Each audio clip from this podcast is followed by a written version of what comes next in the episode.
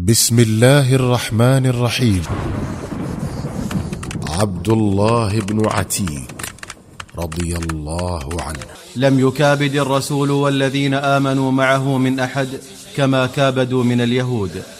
ولم يكن في اليهود أحد أنكى على دين الله وأشد أذى لمحمد رسول الله صلى الله عليه وسلم من كعب بن الأشرف وسلام بن أبي الحقيق.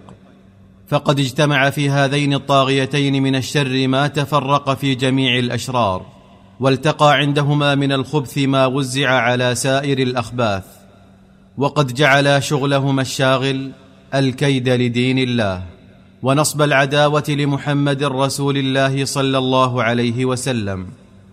فما عقد رسول الله صلوات الله وسلامه عليه مع أحد عهدا إلا قاما يحرضانه على نقضه ويحضانه على نبذه.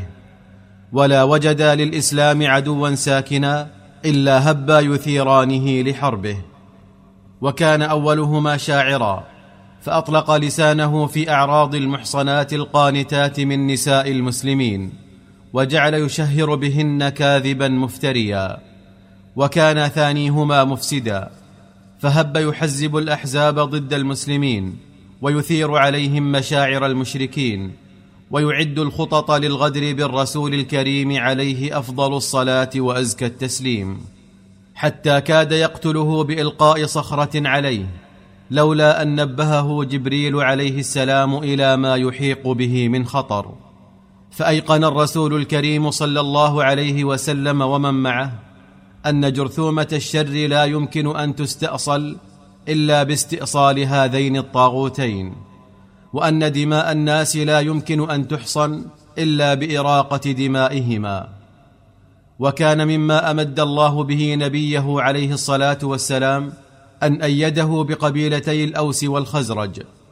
فكان هذان الحيان من الأنصار يتنافسان في الخير ويفعلانه ويتسابقان في البر ويؤديانه ويتصاولان تصاول القرنين في المآثر والمفاخر.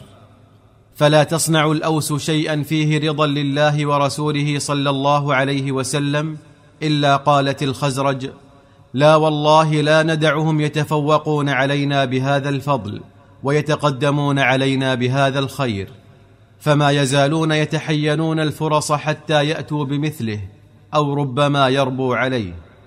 ولا يصنع الخزرج شيئا فيه بر بالإسلام وأهله إلا قالت الأوس مثل قولهم وفعلت مثل فعلهم. فكان في تنافسهم هذا بركة على الإسلام وخير للمسلمين. وقد أكرم الله الأوس فجعل مصرع عدو الله كعب بن الأشرف على أيدي طائفة من فتيانها.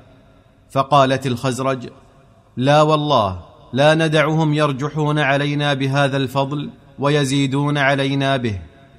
وإذا كانوا قد قضوا على كعب بن الأشرف أحد عدوي الإسلام اللدودين فإن عدو الإسلام الآخر سلام بن أبي الحقيق ما يزال حيا. وسيكون القضاء عليه من نصيبنا إن شاء الله وأعان. استأذنت الخزرج الرسول عليه الصلاة والسلام بأن تندب خمسة من فتيانها لقتل عدو الله سلام بن أبي الحقيق فأذن لها. ثم أمر على الفتية الأخيار الأبرار واحدا منهم هو عبد الله بن عتيك وأوصاهم الا يقتلوا امرأة ولا وليدا والا يلحقوا أذى بهما. فودعوا الرسول عليه الصلاة والسلام ومضوا ليقوموا بأجرأ مغامرة عرفها تاريخ الفداء. فلنترك لأمير الفرقة الكلام ليروي لنا قصتهم المثيرة. قال عبد الله بن عتيك ما إن أذن لنا الرسول عليه الصلاة والسلام بالمضي إلى ما ندبنا أنفسنا له حتى يممنا وجوهنا شطر أواسط الحجاز حيث كان يقيم سلام بن أبي الحقيق وقومه في حصن لهم. فلما صرنا قريبا من الحصن ركنا في مكاننا حتى دنت الشمس من مغربها وطفق أهل الحصن يعودون بمواشيهم من المراعي. فقلت لأصحابي اجلسوا في مكانكم فإني منطلق نحو باب الحصن لعلي أستطيع الدخول فيه مع الداخلين. ثم صاففت الناس ومشيت معهم كأني واحد منهم فلم يفطل لي أحد. فلما دنوت من الباب تقنعت بثوبي لئلا يتنبه لي بواب الحصن وجلست كأني أقضي الحاجة. فلما دخل الناس ولم يبق أحد غيري هتف بي البواب وقال يا عبد الله إن كنت تبغي الدخول فادخل فإني أريد أن أغلق الباب. فدخلت وكمنت غير بعيد منه مستترا بجنح الظلام. فلما استيقن أنه لم يبق أحد خارج الحصن أغلق الباب وعلق قلادة المفاتيح على ود ومضى إلى سكنه. أما أنا فمكثت في مكمني. وطفقت أتفحص الحصن وأتعرف على مسالكه وأجيل بصري فيه بحثا عن علية الرجل واهتداء إلى الطريق المؤدية إليها فما لبثت أن أثبت مكانه وعرفت من خلال ضوء المصباح الخافت أن فئة من أصحابه تسمر عنده فلما انفض السمار وأطفئ المصباح وأيقنت أنه أوى إلى فراشه ودخل في النوم. أخذت المفاتيح من الود ومضيت في عتمة الليل إلى باب قصره الخارجي ففتحته في رفق. فلما صرت داخل القصر أغلقته علي من الداخل بالقفل حتى لا يدخله أحد. ثم مضيت إلى الباب الثاني ففعلت به مثل ما فعلته بالباب الأول. ثم جريت على ذلك. فكنت كلما دخلت بابا أغلقته علي وقد حملني على ذلك. تقديري بأن القوم إذا تنبهوا لي أو صرخ فيهم صارخ فإنهم لا يستطيعون الوصول إلي إلا بعد أن أكون قد قتلته. فلما بلغت علية القصر ألفيتها مظلمة ووجدته مضطجعا بين أهله وأولاده فلم أعلم أين مكانه بينهم.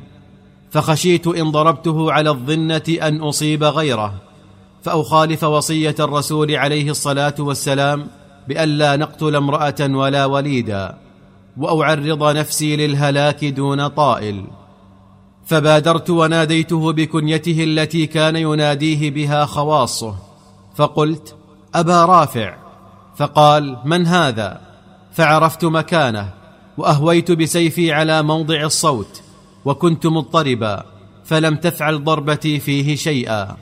فصاح بأعلى صوته فخرجت من الحجرة وعثرت بالمصباح. فأخذته بيدي وطرحته بعيدا عن موضعه حتى لا يقوم إليه أحد فيضيئه. ثم عدت إليه وغيرت صوتي وقلت ما هذا الصياح يا أبا رافع؟ فقال لأمك الويل إن في البيت رجلا ضربني بالسيف وتوارى.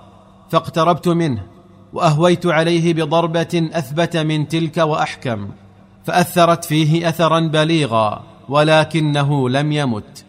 فأغمدت سيفي في بطنه وضغطت عليه بثقلي كله فصرخ صرخة أيقظت زوجته فانتزعت سيفي من جسده ولم يكن به حراك. استيقظت المرأة على صوت زوجها وهبت مذعورة وجعلت تستصرخ فهممت أن أهوي عليها بالسيف لولا أني تذكرت أن الرسول عليه الصلاة والسلام قد نهانا عن قتل النساء والأطفال فكففت عنها. وما هي إلا لحظات حتى استفاق الناس على صراخها ودبت الحركة في الحصن. فما كان مني إلا أن مضيت أستصرخ الناس وأقول ألغوث الغوث النجدة النجدة. فجعلوا يتدفقون نحو العلية وأنا أمضي خارجا حتى انتهيت إلى آخر درجة من درجات الحصن وكنت ضعيف البصر. فظننت أني بلغت الأرض فوقعت فانكسرت ساقي.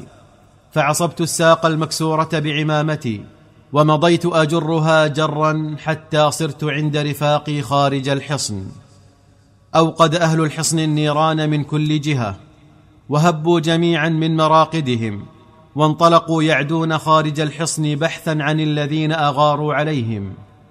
أما نحن فكنا كامنين في قناة ماء أسفل الحصن فلما يئس القوم من العثور علينا عادوا إلى صاحبهم ينظرون ما حل به. فقال أصحابي النجاء النجاء فإن القوم قد كفوا عن طلبنا وانشغلوا بصاحبهم عنا. فقلت لا والله لا أبرح هذا المكان حتى أعلم أني قتلته. فقال أحد أصحابي أنا أذهب فآتيكم بخبره. ثم مضى حتى دخل في الناس ودنا من الرجل فرأى امرأته تمضي نحوه وبيدها المصباح. وكبار اليهود وراءها يسألونها عما حدث وعن الرجل الغريب الذي اقتحم حصنهم وما فعل. فقالت والله لا أدري ولكني سمعت صوتا غير غريب عني فلما أصغيت إليه قلت هذا صوت ابن عتيك غير أني كذبت نفسي وقلت أين ابن عتيك من هذه الأرض؟ ثم أقبلت على زوجها ورفعت المصباح وحدقت في وجهه ثم ارتدت عنه وهي تقول مات واله يهود مات. فلما سمع ذلك منها قرت عينه وعاد إلينا وبشرنا. عند ذلك احتملني أصحابي ومضوا بي حتى قدمنا على الرسول صلوات الله وسلامه عليه. فوجدناه على المنبر يخطب الناس فلما رآنا قال أفلحت الوجوه أفلحت الوجوه.